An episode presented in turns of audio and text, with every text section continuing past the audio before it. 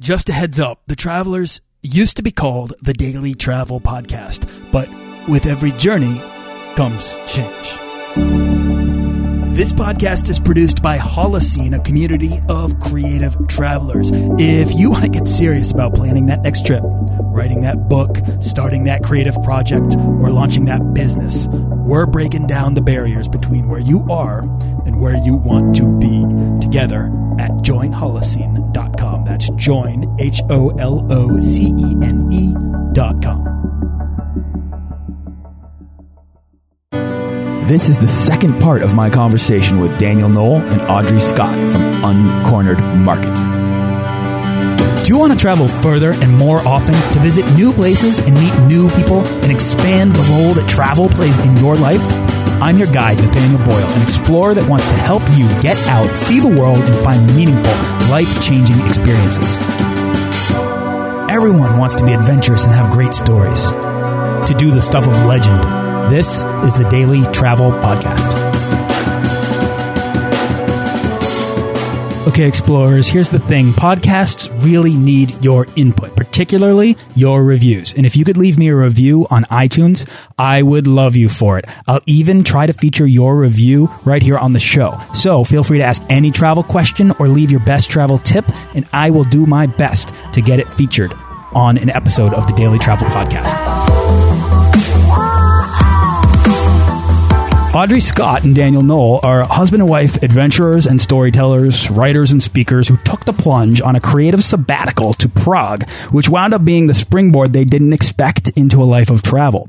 I just want to hear a little bit more about like what you guys do now and at what point uh, did this become your new lifestyle? Did did it become this reality for you that that became 12 years and counting over 80 countries? Like what do you guys do to perpetuate your travels and how how have you made it a reality for yourselves? Well, when we first started out, um, so when we first moved to Prague, the goal there was to find more traditional jobs. We weren't looking at the digital nomad life or anything. Um, and so we went there, as Dan mentioned, with six suitcases and no jobs. Right. And we essentially built, I would say, a relatively normal life there. You know, we had nine to five jobs and we traveled a lot because we were in the center of Europe, but we had relatively normal jobs. And it was around year four was when we both realized that we weren't growing in the way that we wanted to in our jobs. And so we decided then to take, you know, to plan this creative sabbatical or to plan this trip that we thought was just going to be 12 or 18 months around the world. Um, and so for that, we saved money because we thought, okay, we'll travel for 12 or 18 months and then we'll go back and find another job. And what switched or where kind of the light bulb went off yep. was yep. within the first month actually of that trip, we were in Thailand. We were recovering from going through the process of selling everything again, saying goodbye, quitting our jobs, everything. And kind of by chance, some freelance writing and photography work fell into our lap. And here we were on an island in Thailand and we were able to complete the project and, you know, go up the hill to an internet cafe, you know, with really dodgy internet, but we still managed to complete the project halfway around the world. And we realized, well, if we continue to travel simply, meaning we're not traveling five star, um, we mainly travel overland, you know, guest houses, family homestays. We travel pretty basically. Um, if we pick up projects from time to time, we can extend the life of the trip. And the idea was is we could actually be anywhere in the world as long as we had an internet connection. Well, fast forward a couple years and a lot of publications started paying a lot less for online content. as you know. Yeah. Um, and so we had to get a little bit more creative because we realized, well, there's still more of the world that we want to explore. And um, so we've done everything from website design to, you know, customized photography projects. But it was around that time that our blog became more popular. You know, it became beyond just our family and friends. And so. What year was that? That was two, trying to think, 2010? Yeah. Okay. Around that. 2000, yeah. maybe late 2009. Late 2009 in early 2010. Okay. And so we began getting contacted by um, by companies, tourism boards, as well as other product companies for you know sponsorships, partnerships, advertising, and things like that. And so that's when the website became more of our let's say business focus um, than the writing and photography and other work. But we all know, making the money just on your blog is a really difficult thing to do. Right. Um, so that's expanded. You know, we've used the skills that we that we learned in building our blog and building our community and everything else, and we've done social media consulting as well as speaking. So we've kind of keep expanding. The theme is always about travel and storytelling and um, and kind of telling the story of the world. But it's how can we use these different tools like social media and also speaking. So right now we have, I joke that people say, what do you do? And I say it depends on the day. Um, because it's a combination of Sorry, Dan saying you need to be quiet now.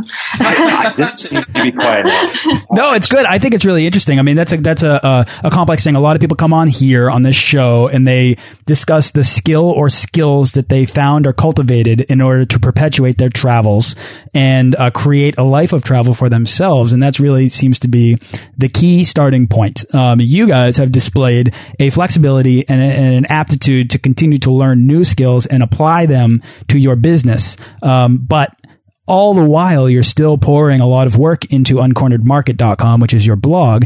And that takes a lot of time, a lot of patience, a lot of work. What was it that uh, made that blog popular and, and made it suddenly uh, a revenue stream for you guys? This, this is a difficult thing. People get sure. a different uh, uh, a, a, different answer from Audrey. I think there was a, a certain something and I'm going to go back to uh, a gig that we did with uh, the Global Sustainable Tourism Council, this UN Foundation funded uh, organization to help them with their social media streams and to help take sustainable tourism from something that was very jargon filled to something that was more conceptual. I think it was uh, a couple of things about our website. I think it was uh, the sort of deep storytelling and the storytelling that kind of zeroed in on things like responsible travel, sustainable travel, experiential travel without necessarily using those taglines that gave readers this sense of, ooh, I think I would like to do that in that kind of way and unearth my own sort of stories and experiences. And maybe this is a way to do this. So a lot of the types of questions that we get from readers is, uh, you know, how do you do what you do? And how do you get the experiences that you get? And so I think uh, our, our website took off when we were both sharing those stories and sharing a little bit of the backstory and how to uh, regarding how readers and consumers can kind of get there. And the other thing that I'll I'll add too is the sort of partners and businesses that we work with. I think what's what's useful and effective for us is we zero in on what are those components. Some of them we can articulate, and we're trying to get better at articulating that capture a significant emotional experience or an experiential travel experience. All the stuff that you're talking about on your show, all the stuff that we talk on our website that says, how do we move the emotional needle when we get out there? And then yes. what are some of the steps that we can take to move that emotional needle? And the, the neat thing is consumers want to do this and businesses also want to do it too, because they're realizing that the old kind of packaged way of doing travel doesn't really cut it. And so they're looking for people that have a language, a vocabulary, uh, a lexicon, an experience lexicon to express all that sort of stuff. And we've had enough experience now and enough connection with consumers and enough con- connection with businesses that we can kind of sort of bring it all together and say, this is the magic thing. And, and the temptation, I think, in the travel business is to sort of put a single word or tag on it. And that's very, very difficult. And I think it actually does sort of a disservice and an injustice to the thing. We can call it all these things, you know, put it under the umbrella of experiential travel. But what it is, it's about getting deep inside ourselves and connecting to ourselves to places and people and doing so in a way that puts us way outside of our comfort zone, accepts all sorts of uncertainties, accepts the positives and negatives so that when I come back home, I look in the mirror and I think, shoot, I'm someone different than I was before I took this trip. And I think that's that's why we get along in business the way that we do. And i think that's the same thing that made our website take off. But a lot of people would just say i don't know what it is you guys do but there's this thing and it's touching me in this way. Yeah. And this special way of travel is that same thing Yeah. It's about it's about moving the emotional needle for people. Yeah. I think I think I was once sitting uh, having a cup of coffee with my wife and I started talking to her about this podcast. I started talking to the, to her about the way in which stories like Audrey, we hear your story, uh, you, both your stories about being trapped in Uzbekistan. The way I'm picturing it, because of your words, is going to be different than the way you guys remember it, and it's going to be different than the way that everybody listening to this show pictures it. And that's because when you're listening to a story told to you, you have to fill in the gaps with your imagination, right? So to me, podcasting is a great way to tell stories through audio so that it, it can it can really can catalyze people's imagination to fill in those gaps. And then my wife said, you kind of want your show to do for your audience what travel does for your audience. and I was like, well, that's kind of cool. And then I saw your website and now I'm listening to you, Dan, and I know that you guys have a, an appreciation for this topic in particular. And to hear you say that, I, I love to hear it. I mean, you're basically suggesting that the secret sauce here for lack of a better term, I, there's probably a better term, is uh, is to write or speak honestly about the authentic world and about your authentic experiences. And there's so much noise out there about how you should travel and where you should go and what you should do and what you should eat. And there's nowhere on earth that hasn't been written about, right? But despite all the websites, TV shows, travel guides, you know, I, I'm of the belief that the authentic world is largely undiscovered because it's a personal experience waiting to be uncovered for yourself.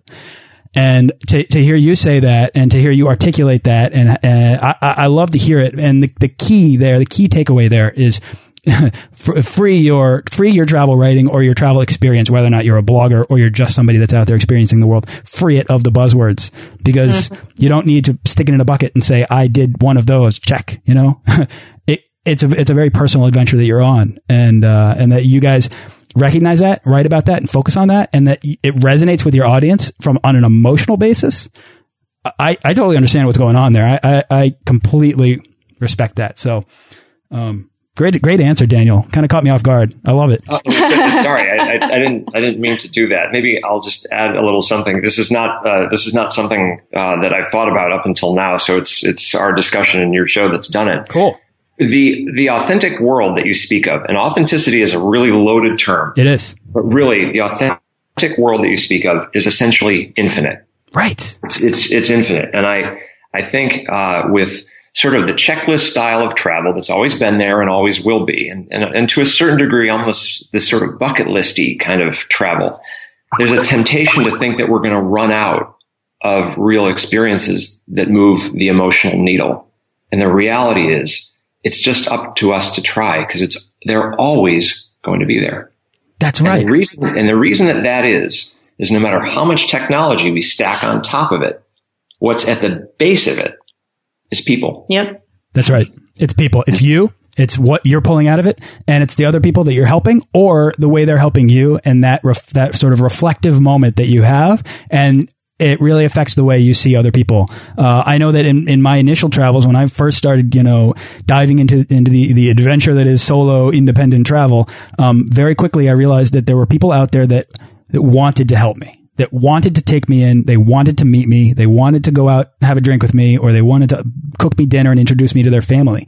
These people are out there because I mean, I was in New Zealand. It's kind of maybe a little bit more built into their culture than it is built into, say, American culture, but it's still, it's everywhere if you allow yourself to go. And you're right, Daniel, like planning, working off a bucket list, it sets an expectation.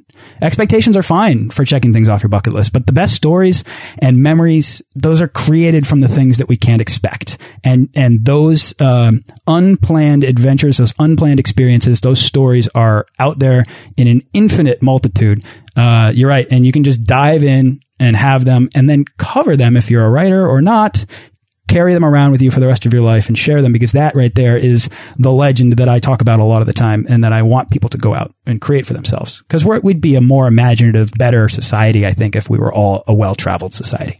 Oh, now you're now you're starting to talk about core values. this conversation could last a long time, uh, but we hear you. Yeah, yeah, we're so far down the rabbit hole. So let's uh, let's start to wrap up here. Is there anything else you guys you know want to share on the topic of travel, or anything that we didn't really get to that um, you want to share before we wrap up? Well, just one thing I was going to add, um, please, all connected to everything that you just spoke about, is both of us, all of us are talking about essentially the core of of travel comes down to people, you know, you, the people you meet and everything like that. Often before we go travel, we get very afraid of other people. You know, we're always told when you're young, don't talk to strangers, don't do this, don't do that. Or you also see on the news all these horrible things that are happening around the world, or whenever some country comes up, it's usually because there's a disaster or yeah. some sort of war.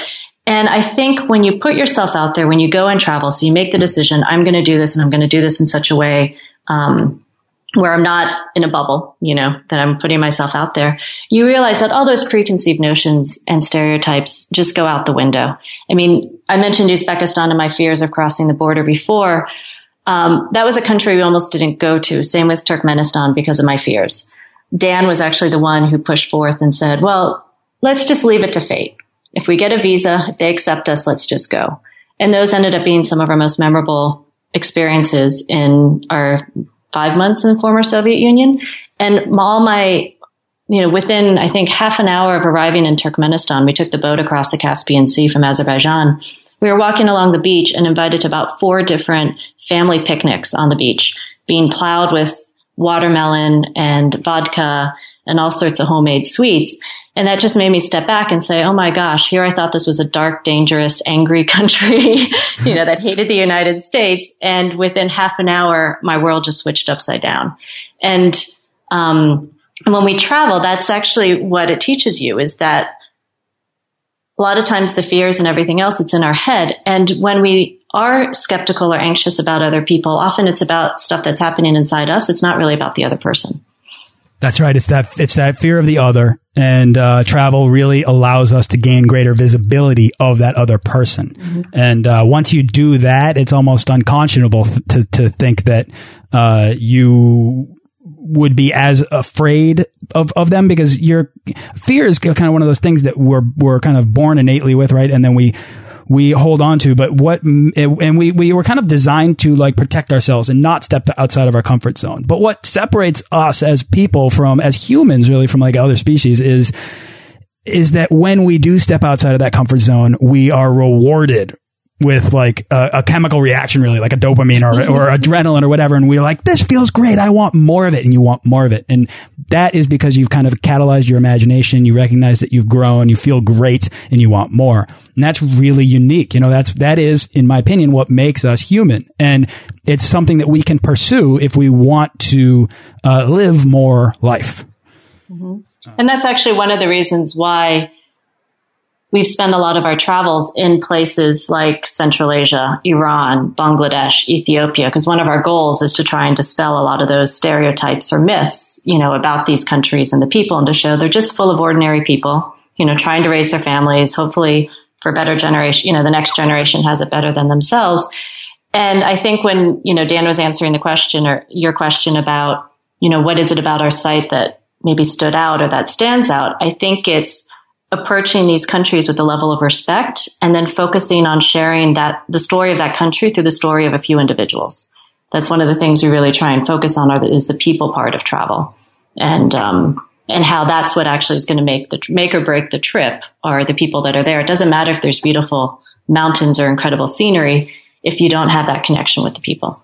Anyone who's discouraging you from travel uh, like ex like extensive travel has probably never taken the journey themselves, right? And um, you know, I I took home the realization that the world is an extremely safe place. Um, common sense applies wherever you go, of course, yeah, of course right? Yeah. But people. But, it, but it's safe because people are people everywhere you go. We all have kind of the same um, the same desire to uh, to eat and feed our families or take care of ourselves or help each other out. And uh, and once you find that, and once you find that out about the world, uh, it breaks down that fear barrier, and you want to explore more. And uh, I think that's a really important early. Uh, early development step for anybody that's getting started in travel. Um, but it can even be an advanced step for anybody that's been traveling a lot and is suddenly listening to this conversation and they're like, wow, you know, I want to go on these adventures. I want to turn my travels into something more, something greater. Um, guys, if you have time, I've got a little bit of a lightning round. If you want to go through it, we can do it. Yeah, sure. Yeah, sure. All right, let's it. do it. Because this is the part of the show where we're going to boil down the how and the why of travel into into pragmatic advice. So we're going to get a, lot, a little less theoretical and a little bit more actionable. Uh, I'm going to give you a series of questions. You'll give me your best travel tips. Sound good? Sounds good. Yeah. Awesome. All right. For a lot of people, taking that first step out the door can be the hardest part of travel. What's your advice for anyone dreaming to take the first step to becoming a world traveler? Book the ticket. Yeah, I was just going to say just do it. But yeah, book the ticket or book whatever it is that's going to commit you to making to making that trip. The hardest part is the decision. So yeah, yeah book it. Yeah, lock yourself in financially, and then you've got your date, and then you've got your that that date becomes a, a countdown, and mm-hmm. uh, and you got to do all your planning, all your saving, meet your budget point, get really excited. Uh, I love it. That's great. Uh, the biggest hurdle for most people who want to travel more uh, is cost. So, do you guys have a secret money saving tip or a travel hack? There's a there's a flip side. I'll give I'll give one side of this coin, and that is I think when we talk about uh, our travels and the cost of those travels, what people don't realize is that the saving that you do back home and the conscious decisions that you make regarding your budget back home will directly influence what you have available to spend on travel. So think about the nine and ten dollar cocktails and all the dinners out, and then imagine how many dinners you might be able to get on a beach in Thailand. So I'm going to speak to the second part of that. Is do you research and find out how much does it really cost? I mean, when Dan and I spent a couple months in Thailand a few years ago, for the two of us, we were spending about a thousand dollars a month for the two of us. That's about five hundred dollars per person most people, if they think about it, could probably afford $500 a month. And it's the idea of we go research how much budget accommodations cost. Sometimes you can get rooms for three or five dollars. Sometimes you can get meals for a dollar on the street. So it doesn't need to be five star hotels. It doesn't need to be $40 dinners. There's so many ways that you can find, you know, inexpensive or cheap accommodation and food on the road. Now, when you're in Norway and, and, you know, Sweden in the northern part of Europe. It's a little bit more difficult. Right. But right. even then, it's possible to find inexpensive lunch menus or buy food at the market and have snacks and things like that. There's always a way to reduce your costs you know, two, two, two takeaways to your to your awesome points here is that if dinners out are your thing, if that's what makes you happy in your day in your day to day life, but you still dream of travel, like identify instead identify the bigger things, right? Let those impulse buys or those hundred dollar per month subscriptions for a TV or to get the biggest data plan for your cell phone or whatever it is in life that is really kind of draining your bank account and making it harder to save identify those things and cut those things out because yeah. whatever's whatever's extraneous you know don't necessarily nickel and dime your happiness in order to save but yeah if you can relate a hundred dollar uh, cell phone bill and instead you could be paying fifty dollars a month uh, and you realize that every month you're saving $50, which is like, you know, 40 meals a day, uh, 40 meals across your whole Southeast Asian. Right. And then the other, the other thing, the other takeaway that I want to, that I want to highlight is that when you guys were on that island in Thailand and you got that project done and you got paid for it, you must have felt at the time, wow, this paycheck is going to go a whole lot further here than it would back home that's actually when the wheels started turning to be like, huh, okay, we don't have to go home in a year. yeah, not only not only can you continue to travel, but you could probably actually save because Thailand is that cheap. Mm -hmm. And Thailand isn't the only place, by the way. I mean, this can apply to a place like Mexico. There are a number of destinations throughout Asia, yeah. Central America. This is a long topic of conversation if, if it, if, if we wanted to. Yeah. And that's actually where doing your research and, um, with people who've, with real travelers, meaning not in the brochures or not in the hotel brochures, will give you a sense of what it really costs. Um, because in a lot of times in the guidebooks it ends up being a little bit inflated or they don't tell you that yes you actually can get an amazing meal on the street in burma for a dollar and it'll be full for hours you know. Sometimes those points are left out so right. find, so, find the bloggers or find forums to ask the questions to find out what it really costs. Love it. Perfect. Guys packing is easily my least favorite part of all travel. Do you have any advice to help people pack better packing cubes. There you go. So, yeah, that's um, that's. I'm a very disorganized person. I like to call it organized chaos, but uh, that's not what I would yeah, call it. the reality, messy. Um, packing cubes are my savior. Every packing cube has a different purpose. One is a little mini pharmacy, another one for socks and underwear, another one for you know adventure gear. So I can unpack and pack within usually three to five minutes because I know where everything goes. Love it. Uh, the, other, the other tip is put everything that you think you need in there and then cut it by half. yep, and that works for you. Yep. Yeah. And, and, understand that you can buy almost like 99% of the things uh, on the ground wherever you're going. Oh, my other, yeah, that's an important one, especially if you are traveling long term and you're going to be going from beach to mountain. um, understand that a lot of treks you can actually rent gear on the spot, so you don't have to be carrying around winter coats or waterproof jackets or waterproof pants. You can basically organize an outfit yourself within a day in Nepal, for example, or Mount Kilimanjaro. So just take the essentials with you and then either rent or buy whatever you need on the ground. That's that's perfect. And then you have less to have to take care of. Guys, do you have a favorite internet travel tool or resource that you use? I was going to answer in terms of an app. Um, TripIt. I use yeah. TripIt a lot. Yeah. That makes my life much easier. Yeah. Yeah. In terms of, of travel logistics, TripIt. Mm-hmm. Yeah, TripIt, the, the automated aspect of TripIt and the way it just sends you your itinerary after you book it as if you haven't even told it that you're going anywhere is just magical. Um, do you have a favorite piece of travel gear that you guys take everywhere you go? Earplugs. Uh, what else? You stole mine. Good choice. Uh, if that's the best, I mean that that's a big one. Nobody's come on the show and even said earplugs, especially not that fast. Look, sleep sleep is tremendously important to me. Uh, that, really, that's that, that is one of the key uh, you know key variables in my travel satisfaction. Uh, and so many places that we've traveled, it can be really noisy. Uh, having a good set of soft earplugs is is huge. And I'll add um, silk long johns because they're super thin, really warm, and I hate being cold. So I love having the option that if I'm ever kind of going into when the temperatures start dipping, I can just put them on and be nice and warm. I and they take no space at all. Nice. That's a nice nuanced answer. I appreciate that. all right, what, guys, this is the last question of the round. What is the weirdest thing you've ever eaten? I feel like I've eaten something stranger than that. So I wouldn't say this is the I wouldn't say this is the weirdest thing I've ever eaten, but it was the weirdest context. Um, when we were in Kyrgyzstan, we did a horse trek up to an alpine lake, you know, staying in yurts along the way, and it happened to be during Ramadan. And so when we arrived at the lake, uh, our host family just happened to be the family that was chosen to give the breaking fast of the the meal for the breaking fast of the to break the fast of the day, and um, they, when we arrived, they slaughtered a goat. And so a couple hours later, they invited us into the yurt and they passed around plates with every single part of the goat, most of which I couldn't really recognize. And this old shepherd who was kind of the master of ceremonies ended up handing Dan and I a, um, each, we each got our own uh, jawbone. So we spent the next hour gnawing on this goat's jawbone. Part of it was defensive because we didn't really want to be served anything else because we didn't know what anything else was. and then as the meal went on, you know, we thought we got through the whole meal because we gnawed on this jawbone for like 30 minutes and then they cleared the plates.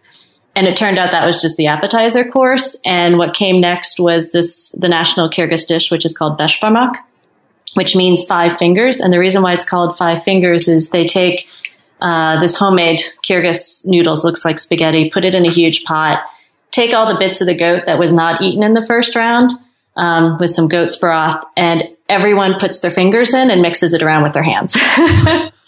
and, and then you just throw your hand in there and you grab a chunk and you eat it yourself. And so, yeah, goat and pasta doesn't sound that exciting, but in the context, it actually was a pretty memorable experience.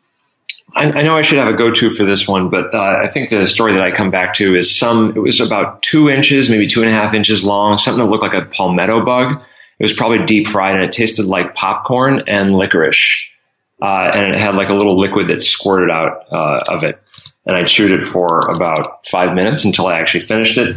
Because I did, I was invited to a wedding ceremony in rural Cambodia.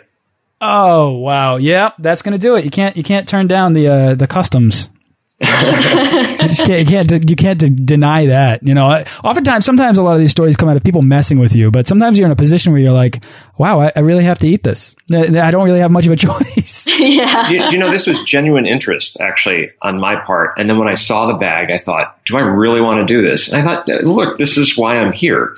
Uh, and the guy was really friendly and I sort of made it through and I felt like this was really fitting. I was rewarded for the fact that I, I went and chewed through that squirting palmetto bug thing that he had me eat. So yeah, eat the bugs. Eat the bugs. I love it. Also, the things eaten in yurts. That is a web series waiting to happen. Uh, guys, um, all right, this is us wrapping up for real this time. Is there anything else you want to share before we, we tie things up in a pretty little bow?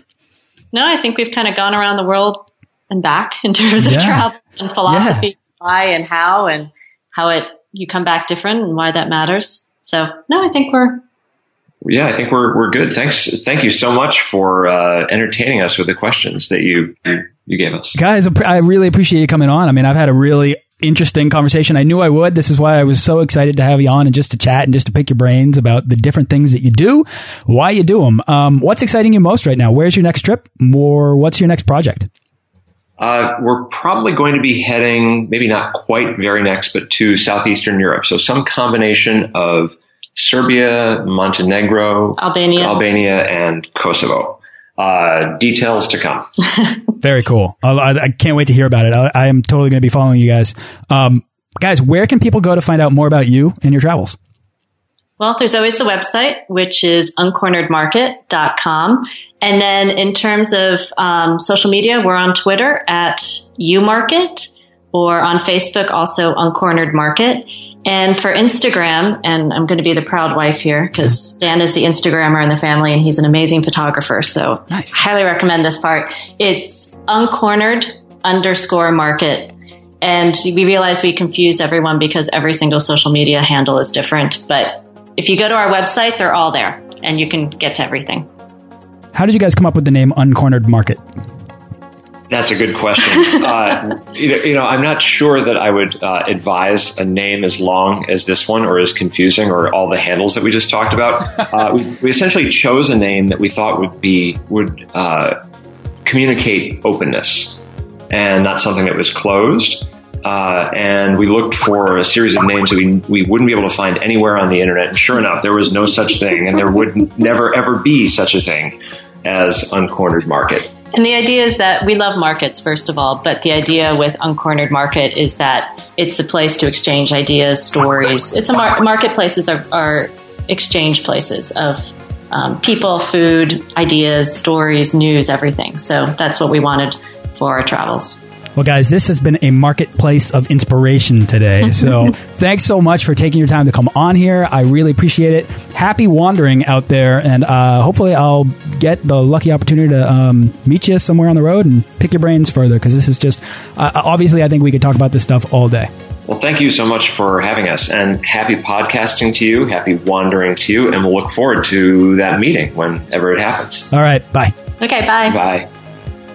Thanks for listening to this episode of the Daily Travel Podcast. For show notes and links to everything in this episode and more, head on over to dailytravelpodcast.com. Join our Facebook page of explorers and subscribe to our newsletter for the best deals and resources to help make your next trip life changing.